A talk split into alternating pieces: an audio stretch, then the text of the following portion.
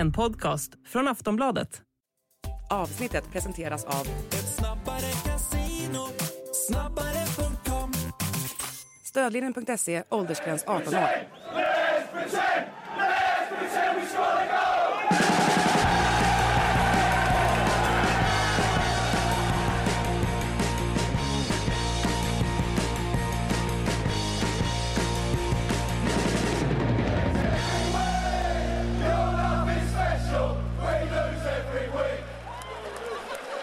Varmt välkomna till Sportbladets Premier League-podd. Makoto Asahara heter jag som rattar det här avsnittet och med mig i studion Samuel Abrahamsson till att börja med, välkommen in.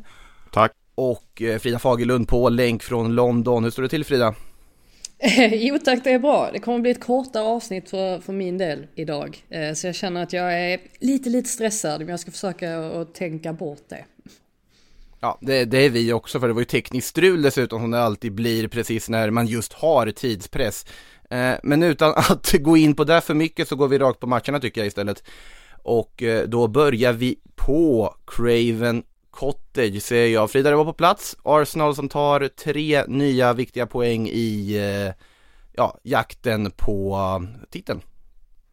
Ja, nej men precis. Gud, nu känner jag, nu måste jag verkligen dra, ta ett djupt andetag och bara komma in i, i poddstämning. Annars blir inte det här så särskilt trevligt att, att lyssna på. Men eh, absolut, jag tyckte väl lite grann att efter alla de här eh, ja, sena segermålen så var det väl uppfriskande för Arsenal-supporterna att inte behöva slita sitt hår av nerver i slutminuterna utan att Arsenal kliver in här på Craven Cottage och sen så avgör de i stort sett matchen redan under första halvlek. Jag tyckte att det påminde lite, jag vet inte om Samuel håller med mig, men jag tyckte att det påminde lite om Wengers glansdagar, lite det här att när Arsenal avgjorde en match under första halvleken och sen så spelade de bara av resten i stort sett. Jag menar, Mikael Arteta han roterade ju en, en hel del mot slutet. Vi fick ju även se Gabriel Jesus som hade bud på ett mål. Men det är väl slående också att vi inte har saknat, eller var klart att vi har saknat Gabriel Jesus men Arsenal har ju inte riktigt saknat honom så mycket som man befarade. Alltså först i det här att Eddie Nketiah tog en del ansvar men också att Leandro Trossard har klivit in och på något sätt bara personifierar Arsenal. Ehm, alltså hans spelstil passar väldigt bra in, alltså vi har pratat om hur han har lyft Martinelli och det är inte bara Martinelli han lyfter med sitt spel utan han kompletterar hela laget med sitt lugn med, moll, med bollen. Jag menar tre assist under första halvleken där. Det var, det var imponerande så jag tyckte att han förtjänade att eh, utses till eh, man of the match. Så att eh, ja, en första halvlek som var väldigt, väldigt bra från Arsenals sida och där vi såg framförallt 2-0 målet som kändes väldigt mycket Mikael Arteta. Ja, det kunde ju dessutom varit betydligt mer än 3-0 i paus. Det var ju lägen på både 4 och 5 och ja, sen andra halvlek blev det mest en transportsträcka. Jag tycker det är oerhört imponerande att de ändå kommer tuff bortamatch mot Fulham. Man ska ändå komma ihåg att det är ett Fulham som ligger 7-8 eller någonting varit jättebra den här säsongen. Det är inget bottenlag. De bara kommer och kör över. Dessutom två dagar efter en tuff bortamatch nere i Portugal i Europa. Där det var dess, betydligt mer svajigt spel än vad det var här. Och ja, sen kunde man lufta bänken lite, Jesus tillbaka och nu börjar det ju bli eh, lyxproblem för att heta istället vilka han ska spela. Jesus är väl inte redo för 90 minuter ännu såklart men trots allt den här formen, Martinelli mål igen. Ja, Saka petar man inte. Så att, eh, och Viera tyckte jag var bra i torsdag så att det är många som vill slåss om den här speltiden nu.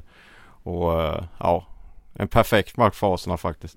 Den enda som inte utmanar med plats i startelvan just nu det är väl Jakob Kivior som fick eh, startdebutera, eller debutera överlag mot Sporting Lissabon tidigare under veckan och han, han är inte riktigt fullfjädrad än om man säger så. Jag var inte ens med i matchtruppen här ju. Nej, det, det känns som en värvning för framtiden.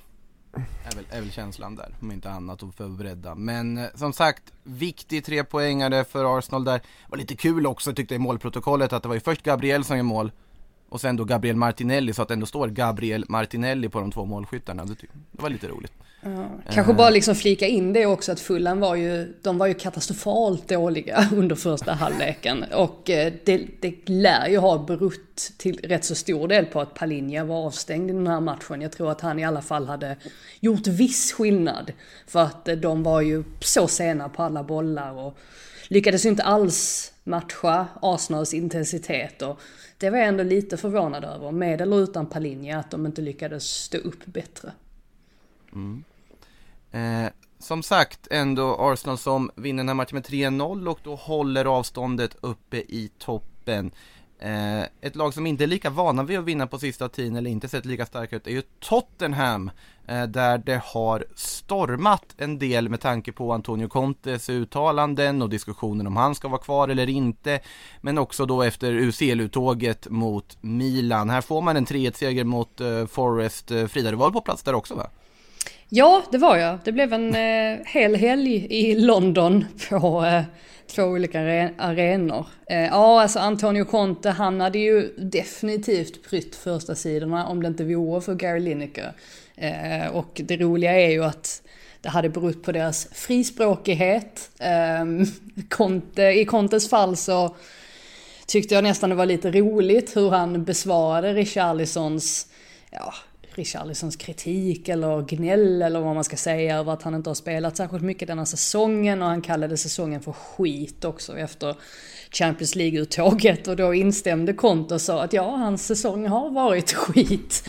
Eh, vilket jag på ett sätt kan tycka är lite hårt, men när man samtidigt ger Richarlison chansen då från start så blir det ju faktiskt lite, lite roligt och jag tycker att Richarlison verkligen tar chansen här. Han är ju nära redan efter tre minuter och och göra 1-0, eller han gör 1-0 och sen så av någon obegriplig anledning så är han offside. Jag försökte sitta och titta, var, var är den här offsiden någonstans? Men det var väl någon liten tå eller ja, halv centimeter som var på fel sida. Annars så hade det målet godkänts.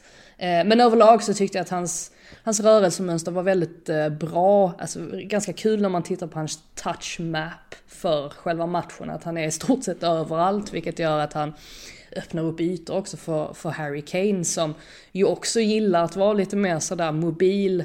Eh, sen med det sagt så Nottingham Forest var ju lite grann som i Fulhams fall att Forest hade ingenting att, att sätta emot under första halvleken. Eh, saknade helt intensitet och energi.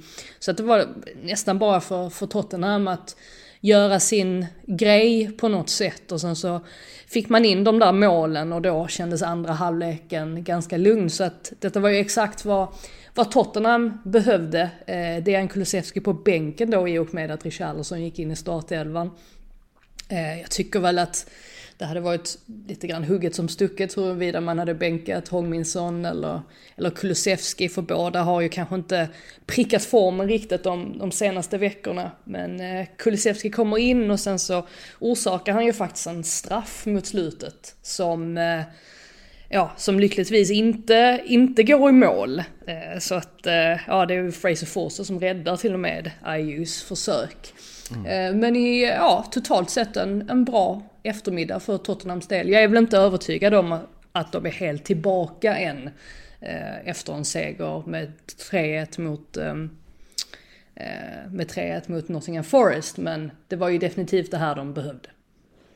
Där tycker jag ändå man kan läge att ändå ge lite ros också till Fraser Forster som jag, i alla fall jag var stenhård mot efter första matchen. Det här kommer ju kollapsa. Han har ändå steppat upp och faktiskt ser ut som en en bra målvakt. Inte bara för att han löser straffen här i slutet men i övrigt också. Ja han var ju en väldigt bra målvakt för några år sedan med ISA 15 och sen har ju liksom Ja, där blev man delvis petad. Han var väl en runda i Celtic också. Men jag kommer ihåg dessa 15 norra säsongen. Det är ju några år sedan nu. Men ändå, han var ju helt omöjlig att göra mål på ibland. Han var ju helt sanslös faktiskt. Och ändå gjort det här bra. Och nu är väl ändå Hugo Juris ska väl vara tillbaka efter landslagsuppehållet tror jag. Så det är ju ändå inte så många matcher kvar med Forster. Man har ändå gjort det bra och tagit ändå chansen som du säger. I början så var man väldigt orolig och tänkte det här kommer släppa tre bollar varje match. Men eh, så illa blev det inte i alla fall. Eh, som sagt, seger för Tottenham som befäster då fjärdeplatsen uppe i toppen. Som sagt, vi kommer köra lite rappare här genom matcherna här för vi vill ju ha med Fridas åsikter om så mycket som möjligt innan. Måste släppa iväg det på ett... Eh, Vi, vi är som match of the day nu, alltså att de hade kortat ner det eh, till eh, 20 minuter istället för en och en halv timme eh, vanligtvis. Det, det är den versionen vi får höra nu, så får ni fylla i alla, alla luckor sen. ja men det, det är ju alltså, du, du alltså även om du inte har programledarrollen, du är ju liksom lika bärande som Gary Lineker är på det där programmet. det var ju väldigt, det, det är ju väldigt snällt. Men, Ja, så att det, eh, det blir lite det Gary. Lineker-löst match of the day när jag och Samuel ska ratta efter sen. Alla har tackat nej och Ja, nej, det, det, det löser sig ändå. Men eh, ska vi vidare till ett lag som, eh, ja, eh, visar ännu en gång hur ologisk fotbollen kan vara kan man väl säga. För att det här, Liverpool då, besegrade ju alltså Bournemouth med 9-0 tidigare den här säsongen. Eh, sen har det gått, eh, varit ett fullkomligt haveri fram till dess mer eller mindre efteråt och sen så vart det den här 7-0 segern mot United och man, som också var någon sorts liksom bugg i alltihopa. Man tänkte, ja men det kanske det vänder nu. Nej, då såklart inte har vänt. Förlust 1-0 borta mot The Cherries. Eh, ja, Frida, såg du det här komma? Ja men gjorde man inte det lite grann ändå? Jo, jag vet väl att vi man. sa att, att Liverpool är nog inte tillbaka till 100% men att 7-0 seger mot Man United var ju möjligtvis ett steg i rätt riktning. Ja det här var ju tio steg i fel riktning. Alltså deras, deras pressspel var ju icke-existerande och bortsett från deras hot på fasta situationer så skapade de ju inga chanser i stort sett. Det var ju Bournemouth som var organiserade utan boll eh, i sitt 4-4-2 och d- Bournemouths intensitet på mittfältet och direkt eh, het kan man säga så ens i, i anfallet. Ehm, ja, det, de gjorde det väldigt svårt för Liverpool.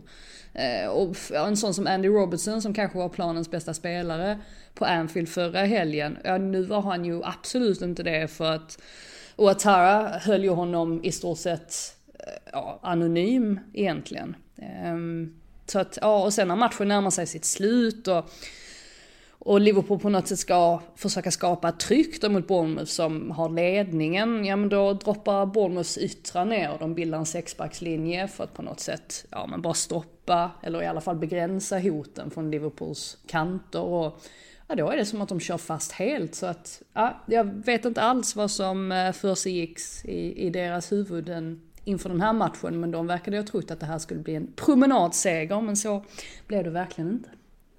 Eh, Vi har en, en lyssnarfråga man kan slänga in här också från Anton. När hoppar ni på Bournemouth-tåget? De kommer ju klara sig kvar. Eh, och ja, och det, de, är, de imponerar ju, men anledningen till att jag tippar ner dem är väl att det är så mycket andra lag som också känns som att de inte ska kunna åka ur. Egentligen. Precis. Ja men exakt, alltså sett till jag tycker jättemycket om eh, Gary O'Neill och jag känner att vi ändå har pratat en hel del om Bournemouth under säsongen och hyllat dem om vartannat. Just för att de... Eh, alltså hur ska man säga? Alltså, de, de känns väldigt välorganiserade jämfört med många andra lag. Men problemet är ju att deras trupp möjligtvis då inte har lika mycket kvalitet som några andra trupper. Men å andra sidan så kikar man här nu på januarifönstret så de spelarna som har kommit in har ju ändå sett ändå sett hyfsade ut, eller de har ju lyft i alla fall, eh, Bournemouth. Så att det är inte omöjligt att de klarar sig kvar, absolut inte, jag utesluter inte det. Det är bara frågan när man precis hade, ja, vant sig vid tanken på att, ja men Bournemouth för Southampton i alla fall, de åker väl ur. Så helt plötsligt så inser man att man kanske får hitta tre helt nya kandidater som ska åka ur. Så det är ju inte lätt, det förändras ju ständigt varje vecka. Kan ju bara flika in med att det var en häpnadsväckande usel straff av Mohamed Salah. En av Ja. de sämre jag sett på länge faktiskt. Ja det var, det var snacka om att missa. Ja det var inte ens nära liksom. En meter över åt, åt sidan liksom. Och Liverpool har ju nu, de har Real, Manchester City, Chelsea och Arsenal på rad nu. Och det känns väl Seger, seger, seger, seger. Ja lite så för att de är ju mycket bättre i de typen av matcherna när, liksom, när motståndet är bättre och till exempel de spelar på Anfield och de får upp den här stämningen från fansen och allting än de har varit typ. De har förlorat borta mot Brighton, Wolverhampton, Brentford, Bournemouth. De har jätteproblem mot de lagen som kanske står lite lägre. Ibland kanske inte Brighton gör till exempel men Bournemouth som ni ändå gjorde det och så. Och som Frida var inne på, det är inte ens en slutforcering. Det är ingenting bara på slutet. Det, de är inte ens nära att få in kvitteringen förutom straffen. Det måste ju Klopp verkligen kolla på för att nu ska de ju jaga mål mot Real och rätt så rejält. Nej, det, det blir väldigt intressant att se vad de gör nu. Men som sagt, det här var ju ett fall i helt fel riktning för Liverpool i alla fall som eh, ja, nu tappar mark i det man ändå får kalla att det fortfarande ändå är en kamp för fjärdeplatsen och eh, de är ju fortfarande med i den ska sägas. Det är ju sex poäng upp till Tottenham med en match till godo också, men då måste man ju börja ta poäng även mot de sämre lagen, eh, vilket Liverpool har haft väldigt svårt för den här säsongen. Eh, vi tar oss till, eh, vad sägs om eh, Old Trafford Frida? Eh, där vi har 0-0 mellan United och Southampton, men framförallt så har vi en Casemiro i tårar. Eh, nu väntar fyra matcher till avstängning, är väl det som rapporterats i och med att hans andra direkta röda kort den här säsongen. Det kan man tycka är hårt, eh, känner jag, för den satsningen. Sen så känns det väl ändå som att det, kortet i sig är korrekt, eller vad säger du? Ja, rätta mig om jag har fel nu, men han fick väl inte ett enda direkt rött kort under alla sina matcher i Real Madrid? Stämmer det? Alltså, det stämmer nog, ja. Ja, precis. Eh, och nu har han alltså fått två röda kort inom loppet av, ja det känns som ingen tid alls, det måste vara en månad väl? Jag tycker mm. att alla, alla månader flyter ihop. Han är ju den första Man United-spelaren som får två röda kort till och med under en och samma säsong. Sen Nemanja Vidic, tror jag, 2013-2014. Så att han skriver verkligen historia här, Casemiro.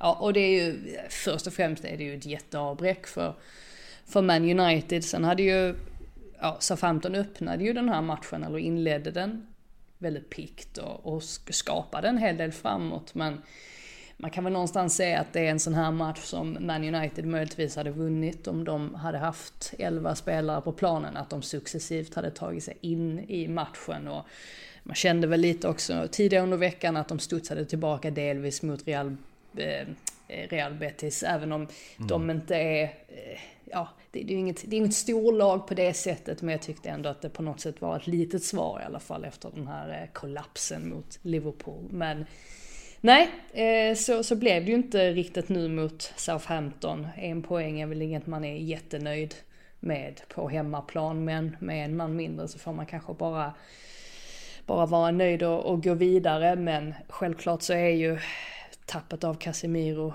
jättestort och eh, ja, huruvida det är rött kort eller inte. Det är ju Anthony Taylor som ändrar sig efter att ha kikat på skärmen och det blir ju en farlig satsning. Sen å andra sidan så kan man hävda, precis som i Erik Ten Hags fall, att det sker ju så otroligt många tacklingar i, i Premier League varje vecka och många av dem blir inte rött kort som kanske är liknande och absolut alltså det vi strävar efter är ju att det på något sätt eh, ja, blir någon ja, alltså blir någon jämnhet i, eh, i, i själva domsluten men nej, det, det är kanske rött kort men ja.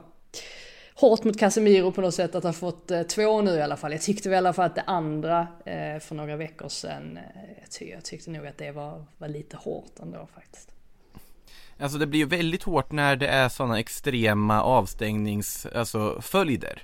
Jag tycker absolut inte det är en fyra matchers avstängning. Det borde, den liksom följden på direkta röda borde ju ligga i att det verkligen är saker som är utanför det i spelet. Här är en misstajmad tackling, det är ett rött kort i stunden, absolut, det kan man köpa.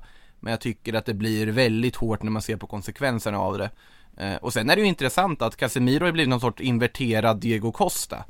För att när Diego Costa hängde runt i Spanien, då tog han ju rött i varannan match nästan. Sen när han kom till England och gjorde samma saker, han fick ju aldrig rött, han var ju helt osynlig för domarna. Och Casemiro är tvärtom. Han har gått omkring med osynlighetsmantel i tio år i Real Madrid. Han lyckades aldrig bli utvisad vad han än gjorde, för han låg alltid på rätt sida gränsen. Gränsen ligger annorlunda i Premier League. Och, och här sitter vi på något sätt. Eh, sen är det ju såklart tillfälligheter som ger honom både det första och det andra på, på ett vis. Men ändå. Eh, I övrigt om matchen finns det inte så mycket att säga egentligen va? Nej jag vill, jag vill bara, klar, vill bara klargöra också att jag tycker ju att det är, jag tycker att det är rött kort men precis som du säger så, så blir det på något sätt ett väldigt, eh, ett väldigt högt fall.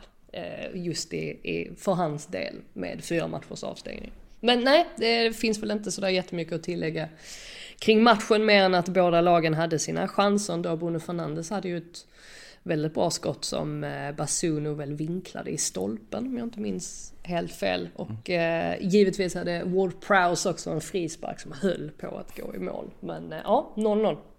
Även stolpskott av Southampton, Walker Peters efter en hörna. Väldigt Mm. fint skott som hade, ja, kunde lika väl smitit in ju. Marcus Rashford drog en rövare också. Ja, den var ju patetisk faktiskt att se. Det, att han inte får gult kort heller är ju, ja, jag blir bara trött på att se sånt där från alla spelare. Det, det är faktiskt pinsamt. Eh, Vi pratar alltså om en jättefilmning där det inte ens är någon beröring och han lägger sig ner två steg efter. Nej. Skärpning, Rashford. Eh, ja, med Ja. det sagt, eh, du ska ju iväg på äventyr Frida. Ja Eh, precis, det blev ett kort, det blev ett kort inhopp för min del. Ja. Men ja, Vi får Vi, se det som en hommage till Match of the Day. ja precis exakt. Jag, eh, jag, jag, eh, precis, jag ställer mig eh, i samma ringhörna som Gary Lineker helt enkelt. Det är så det är. Men Låter ja, rimligt. kör hårt. Vi hörs. Ha en fin resa Frida, så hörs vi av. Cool fact a crocodile can't stick out its tongue. Also, you can get health insurance for a month or just under a year in some states. United Healthcare short term insurance plans, underwritten by Golden Rule Insurance Company, offer flexible, budget friendly coverage for you. Learn more at uh1.com. Ja, som sagt, eh, vi skickade iväg Frida Fagerlund på ett tåg. Det får, ja, ni som undrar vad vi pratar om med Match of the Day och eh, hela det här, så är det ju det att det har ju varit den stora snackisen i England under veckan i och med att då BBC sparkat Gary Lineker för att ha då, ja enligt dem uttryckt sig lite för politiskt i, på sociala medier och något som har fått eh, många att rasa och flera fotbollskollegor som tagit hans parti och eh, det blev ju rekordtittning på Match of the Day i helgen och rekordkort Match of the Day utan varken intervjuer eller, eller experter som de ville ha. Nej det var 20 minuter istället för en och en halv timme och eh, ja det har ju liksom dominerat i England här. De, de är ju också så här De är ju ett gammalmodigt land på det sättet liksom. Där är det ju att man samlas och kollar på Match of the Day på lördagskvällarna. Vi har ju liksom inte den typen Fotbollskväll hade väl ett Ja men vi, det är liksom tio år sedan vi var på den nivån. Vi har ju liksom inte riktigt det och det finns ingen så här. Det är klart att via Play så sänder Premier League här. De sitter och sammanfattar med alla målen på söndagskvällen. Men det är liksom det är så här. Det är rappt att gå på max 10 minuter kanske liksom. Alltså Match of the Day, alltså sammandragen är också långa och väldigt matiga. Ja det kan ju vara kvart, en kvart om en match liksom. Sen är det också skillnaden att då har du ju att 16 matcherna så är ju alla förutom en mörkade så att du inte kan se dem i TV. Ja inte ens en. Det är ju ingen som visas klockan 16 i England. Ingen. Nej, klockan 16 i England är det noll som visas tror jag. Ja, och med jag trodde det var en som visades. Ja det kan vara en eller noll. Ja det är någonting av det i Ni alla fall. hör själva att det här kommer att spåra ur fullkomligt när vår Guy Lineker har försvunnit. Men jag tror att eh, redan när ni kanske lyssnar på det här så kanske han redan är tillbaka och på lördag igen så kommer allt vara som vanligt. Det är känslan i Jag alla har fall. fått ett uh, lukrativt erbjudande från en annan part här också. Det var ITV som var inne och Ja, okej. Jag tänkte, Gary Lineker kunde ju då gå på fotboll i lördags i alla fall istället kan vi bara konstatera om vi också ska prata om matcherna. För han satt ju på läktaren på Leicester-Chelsea. ja, Det är inte så ofta han kan göra det annars kanske. kul för Gary Lineker.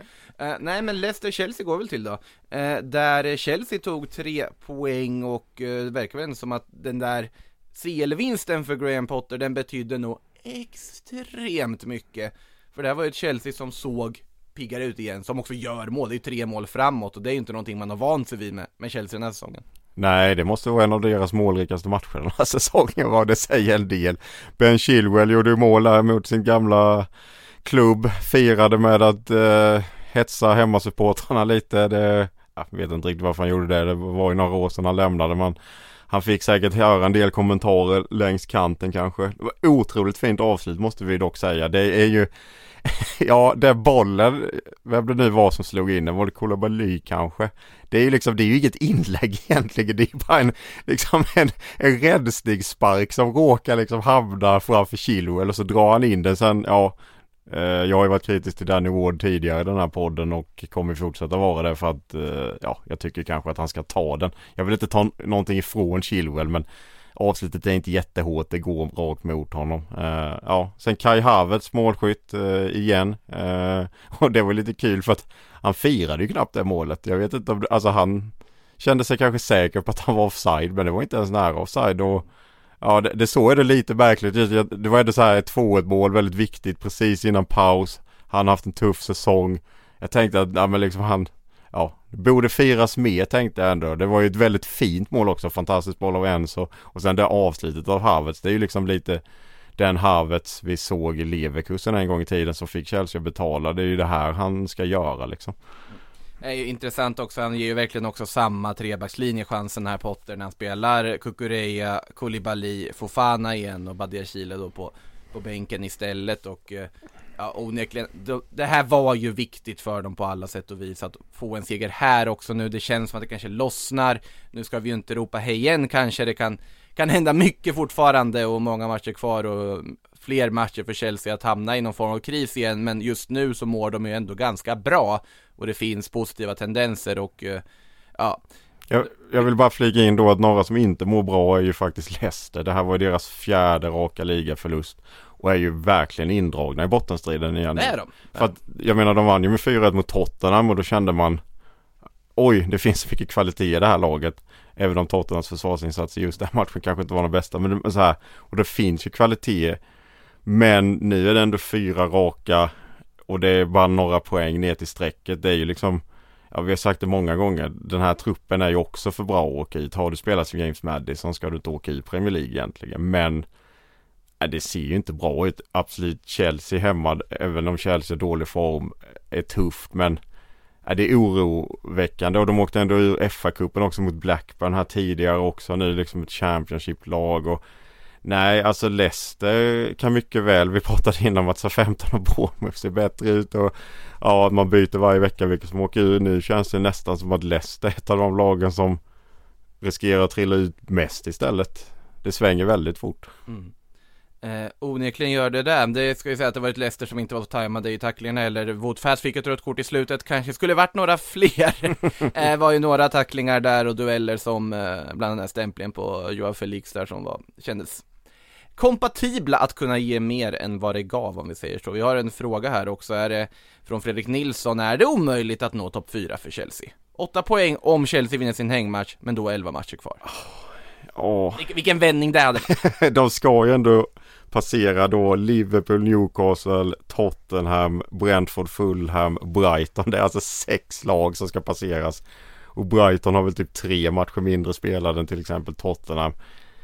Ja, alltså då krävs ju att Chelsea vinner typ alla matcher resterande del av säsongen och det kommer de inte göra för att nu är de också vidare i Champions League och då kommer ju Potte köra det absolut bästa laget och allt fokus där för att på så sätt rädda någonting. Jag menar skulle de gå till en semifinal final i Champions League jag menar, har de lite tur med lottningen nu och få något lag som de ändå liksom kanske inte får till Bayern eller vilka det nu kan bli utan få lite tur där. Jag menar att Milan, ja de hade de gruppspelare som kan absolut slå ut till exempel Benfica skulle de väl kunna ha en chans mot. Och det blir säkert Benfica för en som ska återvända hem. ja det, det är för, förutbestämt, eller är det favorit i repris på, blir Real Madrid igen? Ja det är också kanske. Nej, vi får väl se, men Chelsea alltså har ändå saker att se fram emot här under våren, det kan vi lugnt konstatera. Eh, det får man väl ändå säga att City har också, även om de inte har tagit in någon mark här på Arsenal. De fick ju en seger trots allt, borta mot detta inte intetsägande Crystal Palace. En 1-0-seger tack vare en straff från Erling Braut Haaland. Säkert skönt för honom att vara i målprotokollet om inte annat. Ja, jag har tappat, vilket mål var det här ens nu? Ja, det, 28 jag... eller 29 eller jag har tappat räkningen om jag ska Det beror på hur du räknar, om du räknar i alla tävlingar. Jag inte i ligan. i ligan ja. Så många ni är uppe, inte upp, jo det är 28, när ja. gjorde han dem det? Jag trodde han var på 25 fortfarande. Ja det, du ser. Det, det är helt ja. makalöst. Ja, det var kanske inte den liksom, ja, en stabil seger för City, kanske inte den liksom bästa fotbollen, men sen, eh, ja, vill ju bara lägga till att Pallas, ja, detta inte säger Pallas, tredje matchen i rad utan ett enda skott på mål. Man har fortfarande inte vunnit 2022 i Premier League. Senaste segern kom på nyårsafton. Och nu är man ju faktiskt rejält indragna i den där bottenstriden också. För att jag menar Everton vann och Bournemouth vann och helt plötsligt så närmar ju de sig bakifrån rejält där nu och Pallas Ja Det är tre poäng till strecket nu Ja och det finns ju ingenting som indikerar på att liksom det kommer vända här och just nu. Alltså Ja, jag vet inte om det till och med är så att Vera borde hänga löst eller vad tycker du Makoto? No, den är svår också. vet Det känns som att de måste bli ännu mer insyltade. Men det, alltid är det också när du sparkar en tränare. Då måste du ju ha en tydlig plan vad du ska ersätta med. Mm. Jag ser inte att Palace skulle ha en sån plan. Vadå, Jesse Marsh? alltså, till exempel, det är väl det jag skulle kunna se framför mig typ, Ja. skulle kunna dyka upp där. Eh, men nej, jag, jag tror nog att de kör på. Vera är ju ett långsiktigt val. Ja. Jag tycker att man såg väldigt positiva tendenser i början av säsongen, men här och nu så har det ju jag blivit någon sorts dvala. Jag tror inte att Crystal Palace kommer åka ur Premier League. Jag gör fortfarande inte det. Nej, det är ju många lag som ska passera då såklart och sen, ja Det är ju straffen där var väl inte så mycket att säga om det är jävligt klumpigt av Olis att gå in så. Du har liksom försvarat dig bra i 75 minuter mot City och så går du in och tar den. Det är liksom rätt ofarligt läge dessutom tar den. Det är liksom ändå precis i utkanten av straffområdet liksom. Vid kortlinjen. Det är så här Ja, det är ju Det är bara dumt att ta den när du har liksom gjort ändå Ja, jag menar 0-0 för Pallas om de hade liksom orkat hela vägen hade ju ändå varit ett bra resultat mot City. Men eh, ja, City hade nog också Ja, det är ingen dålig match av dem men ja, de tar tre poäng där de ska göra. De hade säkert lite fokus på det. De har ju viktiga matcher på tisdag kväll mot Leipzig. Ja, just som de dessutom behöver vinna då, eftersom Ja. det varit bara ett kryss i första. Eh, angående Crystal Palace, de har ju chans att stöta tillbaka det nu i veckan. Det är ju onsdagsmatch för dem mot, eh, ja det är onsdagsmatch för både City och Palace nu när jag tänker efter. Eh, men mot eh, Brighton and Hove Albion. Hey everyone, I've been on the go recently Phoenix, Kansas City, Chicago. If you're like me and have a home but aren't always at home, you have an Airbnb. Hosting your home or a spare room is a very practical side hustle. If you live in a big game town, you can Airbnb your place for fans to stay in. Your home might be worth more than you think. Find out how much at airbnb.com/slash host.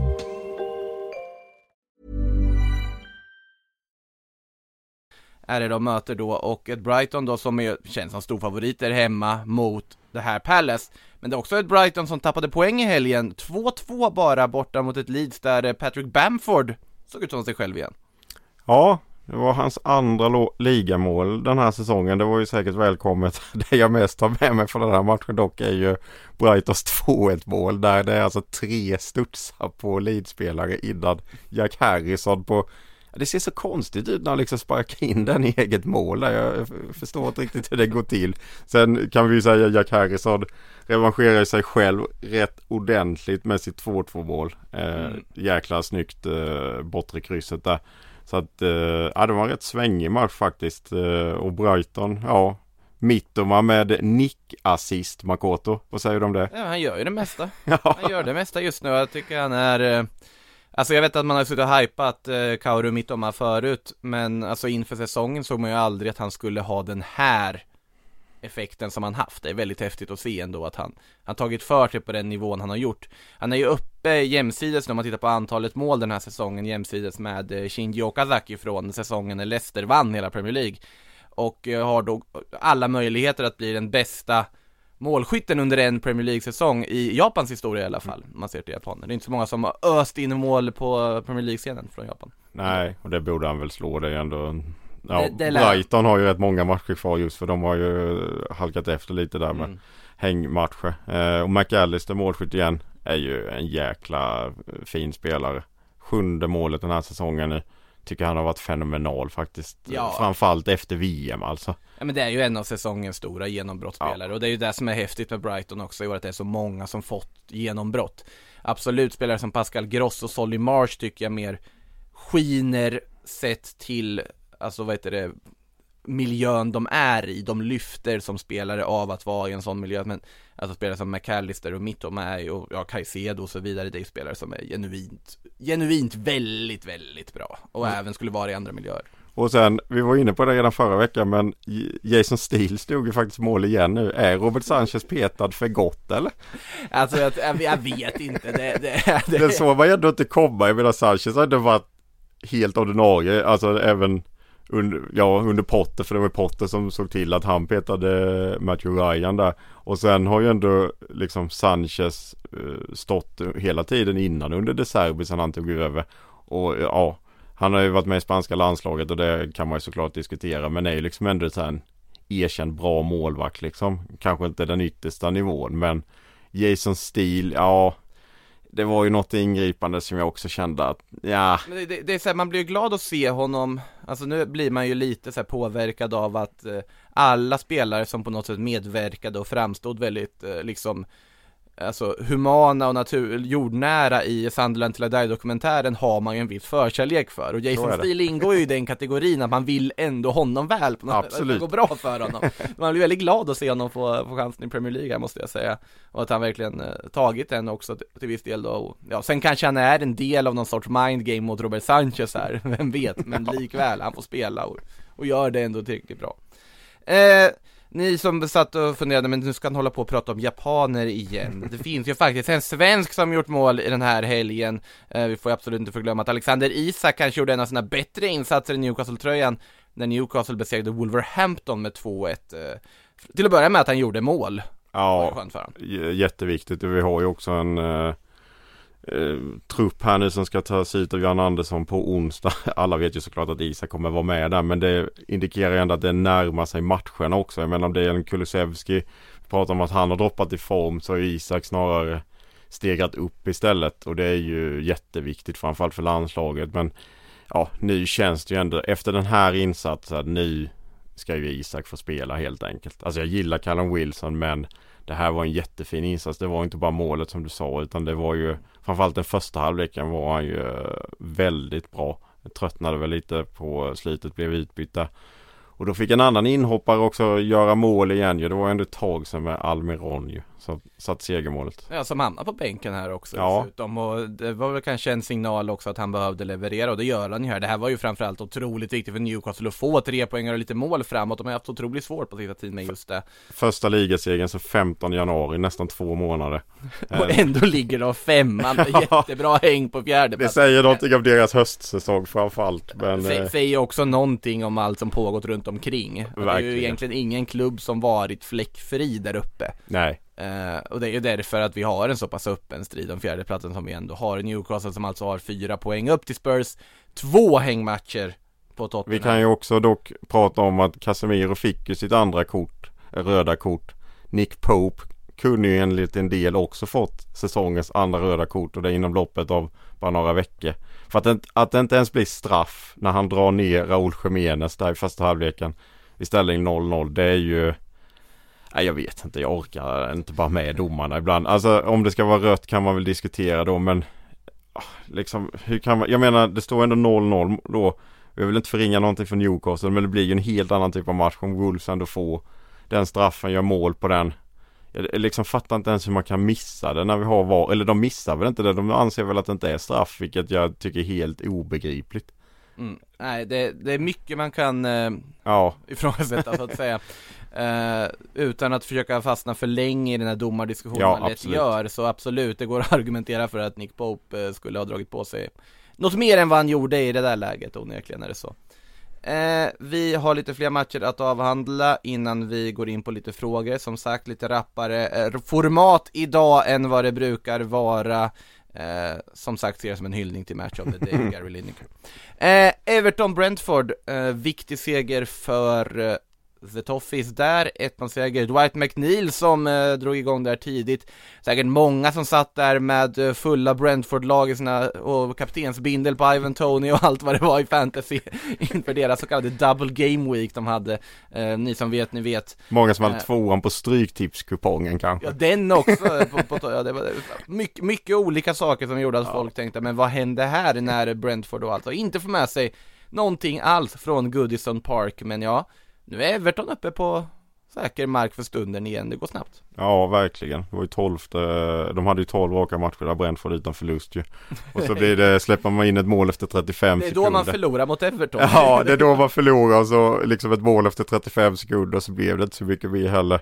Och det känns ju också, det är ju lite kul, nu var det McNeil, gammal Burnley-spelare. Det känns som varje gång Everton gör mål just nu så är det en gammal Burnley-spelare. Det finns ju också några där i ja, det, är, det är ganska många gamla Burnley Ja, jag vet. Men det är ändå kul att det är de som liksom levererar på någonstans. Det är väldigt fint avslut av McNeil får vi ju säga. Eh, ja, Sen eh, ja, för Everton, jag varit inne på det tidigare, för de handlar det bara om att ta poäng liksom. Och de har blivit lite varannan matchlag. De liksom vinner den ena och förlorar den andra och ja. Eh, men Men det räcker ju, om de vinner ju. ibland så kommer det Absolut. räcka. Det gäller att inte hamna i någon form av liksom det var ju det de inte gjorde under Frank Lampard för då vann de nästan aldrig liksom. Så det räcker ju som du säger. Ta någon tre poäng här och där och som mot Brentford det är ju jätteimponerande. Eh, ja. Men om man, tittar, om man tittar på just liksom hela Premier League-tabellen, det är faktiskt bara två lag som inte har tagit minst en seger under de senaste fem. Och det är Palace som vi var inne på förut och Nottingham Forest som börjar ta problem att ta, ta poäng här nu också och också är insyltade på allvar igen. Eh, men i övrigt så alla lagen som är under strecket just nu har, har segrar inom liksom senaste matcherna. Eh, det är mycket ge och ta poäng mellan de här och det är därför vi har den helt fantastiska bottenstrid som vi har just nu. Det är ju det som är så kul för det brukar alltid vara något lag som har avhängt liksom, Ja. ligger sist ju. Men nu är det så här, och det har man tänkt några gånger om SA-15 till exempel den här säsongen. Men så helt plötsligt vann de ju mot Chelsea, tar poäng på Old Trafford och, och så vidare. De, så att det är ju det som är så kul ändå att ingen är avhängd och som sagt vi var inne på det, nu får vi till och med räkna med Pallas till bottenstriden och då är det ju typ 7-8 lag som är inblandade helt plötsligt. Och ett av de lagen är West Ham United. Eh, Då kommer vi till vår sista match som vi har att avhandla här eh, denna vecka. West Ham som spelar 1-1 hemma mot Aston Villa. Det blir en krisresultat i sig. Ett Villa som ändå tycker tar steg i rätt riktning. Sen nu när Emery kommit in. Ollie Watkins i väldigt fin form inleder målskyttet och sen Said Benrama från straffpunkten som löser 1-1 för The Hammers. Eh, och då håller vi sig David Moyes kvar ännu en vecka. Det är väl lite känslan man får. Han gör ju det och så vann de också mot eh, ner på Cypern i torsdags. Ja just det, det Eh, också. Så att det, det spelade väl in såklart kanske. De lär väl gå vidare där nu. Som du säger, nej han kommer väl överleva även. Nej, för nu har de ingen match nästa vecka heller förutom Europa. Det, de är lediga i PL så de har ju inget mer innan landslagsuppehållet. Och då är väl, ja ska man sparka honom där? Ja, jag kände ju efter förra veckan att de borde sparka honom. Jag vet inte om jag blev så mycket klokare efter 1-1 mot Villa liksom. Det är väl egentligen en match de ska vinna så sett. Det var, de hade en del chanser ändå och Villa är ändå så här. Det är väl ett av få lag i den här ligan som faktiskt inte har så mycket att spela för just nu. De är inte indragna i bottenstriden och de Ja, det är för långt upp till Europa liksom. Så det är väl en sån match hemma man då kanske behöver ta tre poäng liksom. Sen är Villa så här, som du säger, betydligt bättre under Emery. Men eh, ja, Moyes, eh, det är ju fortfarande Jag är ändå orolig för West Ham för att de får ju ändå inte igång någonting liksom och det, det, han byter ofta också Det tycker jag alltid är ett tecken som inte känns jättebra. Han byter liksom spelsystem ofta, det är formationer och det är många spelare in och ut. Det är liksom aldrig samma startelva. Det är klart det beror på skador och sånt ibland men det är liksom inget gott tecken. Han hittar ju aldrig liksom spelarna. Det är klart att Declan Rice och sådana är ordinarie. Men sen är det så mycket. Det är anfallare, det är Skamacka och det är Antonio och det är Bowen. Och det liksom byts så mycket hela tiden. Och visst, truppen är bred. Men man måste ändå försöka hitta någon elva liksom, tycker jag. Eh, vi kommer in lite här på en, en av lyssnarfrågorna, vi ska gå över till dem från eh, Reptilfanatikern som frågar hur länge till sitter Moise säker? Du tänker ledningen i Hammers, tack för bra podd. Eh, det, ja, det är väl det, jag tror att de sitter säkert en match, eftersom att de, de förlorar ju inte den här. Och de har vunnit i Europa, och de verkar ju ändå ha, om de inte sparkat honom än. Ja, då ska de ju göra det under landslagsuppehållet nu i så fall. Man kanske sitter och väntar på det här då. jag vet inte så att man får liksom Men då är ju också som du var inne på innan Vem ska ta över West Ham då? Ska det bli Ja, det Jesse är den Marsch andra där? delen av frågan, vilka är mest troligast att ta över? Och det är väl det som är frågan. Ja blir det Jesse Marsch i liksom I Hammers då eller? Jag säger Marcelino, jag, jag tycker de ska gå för Marcelino Big där. Sam, alltså inte jag då utan Nej, nej, originalet det. Men ja, precis. Nej, det, det är ju det som blir frågan. Och, och då är det, ska du ta in en krisdoktor för sista omgångarna? Det är ju där man ska göra om de håller på att åka ur. Det är ingen långsiktigt de kommer ta då. Eh, för det är inte läge då att börja starta någon sorts liksom eh, eh, anställningsprocess och börja intervjua kandidater och så vidare i ett sånt läge om de skulle sparka nu. Med tanke på Nej. matcherna som kommer. För känslan är väl också att även Om nu Moyes blir kvar nu Och han håller dem kvar Så kommer han nog ändå få gå i sommar liksom att de gör ett byte då. Men då har du också en helt annan tid på dig att hitta någon annan. Då kan du ju liksom ta tid på dig att faktiskt utvärdera vem som är bäst. Det kan du ju inte göra här och nu utan då får du ta några dagar på dig och helt plötsligt Måste du bara bestämma dig. Ja.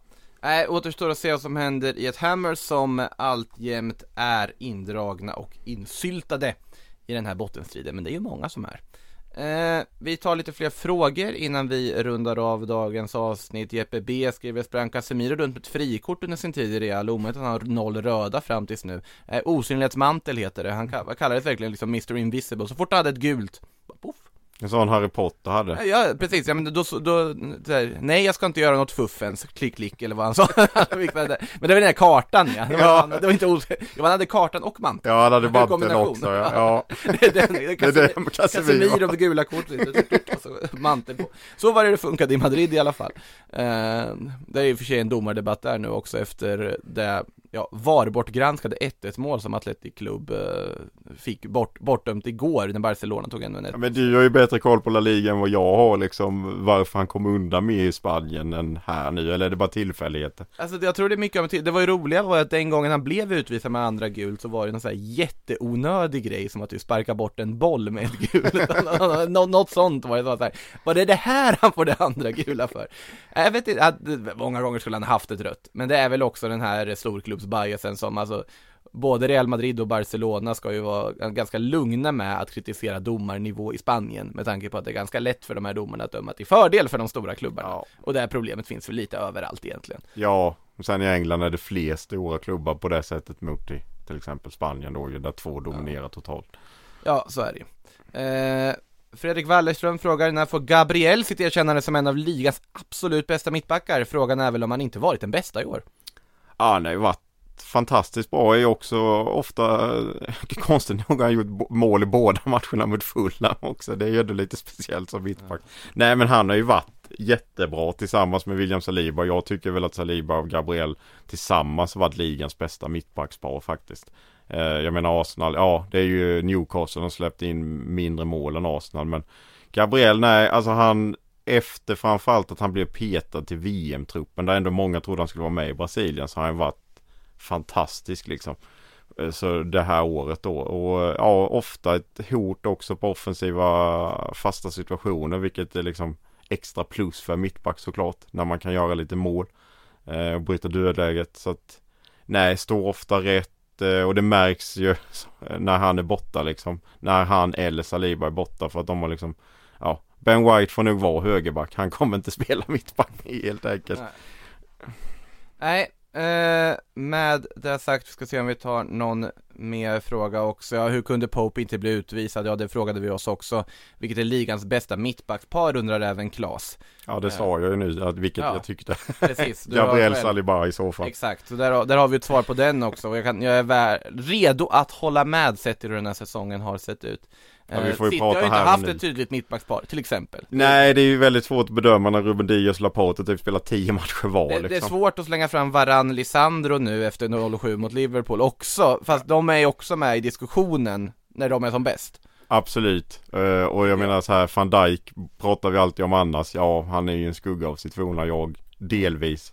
Uh, blixtrar ju också till i vissa matcher med att vara väldigt, se ut som hans gamla jag, men som mot Bournemouth här nu så var han inte det utan såg väldigt stabbig ut istället. Så att nej den jämnaste nivån tycker jag ändå sett över hela säsongen har varit Gabriel och Saliba för att de har också spelat hela tiden så det är också enklare då att bedöma dem såklart. Som du nämner, Varann och Martinez har ju varit i vissa matcher.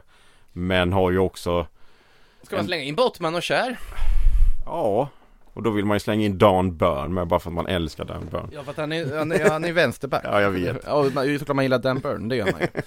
eh, vi har en fråga, det är många som har frågat det också och det är ju såklart, eh, och det tänkte jag på nu när jag, när jag dubbade Frida till eh, den här poddens Gary Lineker så var det ju faktiskt lite oschysst mot Patrik Syk som är ändå programledare och, och, och nyckeln och kuggen i maskineriet, han kommer tillbaka, ni kan vara lugna, han är eh, ifrån jobbet en sväng och vilar upp sig men han kommer tillbaka till podden för förr eller senare, det kan jag lova, så det behöver ni inte oroa er för. Eh, med det sagt så har det blivit dags att runda av denna vecka Sportbladets eh, Premier League-podd. Och eh, ja, Sillypodden dyker upp igen i flödet i veckan och ni har väl inte missat vår nya poddsatsning Sportbladet Daily, en ny podd varje dag, måndag till fredag med någonting hett från sportvärlden. Det kan vara allt från fotboll till hockey till ja, vad som helst egentligen. eh, som ni kan lyssna på där med undertecknad och kollegor som rattar. Så missa inte Sportbladet Daily om ni mot förmodan har missat det hittills. Med det sagt, stort tack Samuel, stort tack Frida hälsar jag också, vi försöker ropa där borta att någon åker tåg någonstans. Eh, och stort tack alla lyssnare och på återhörande.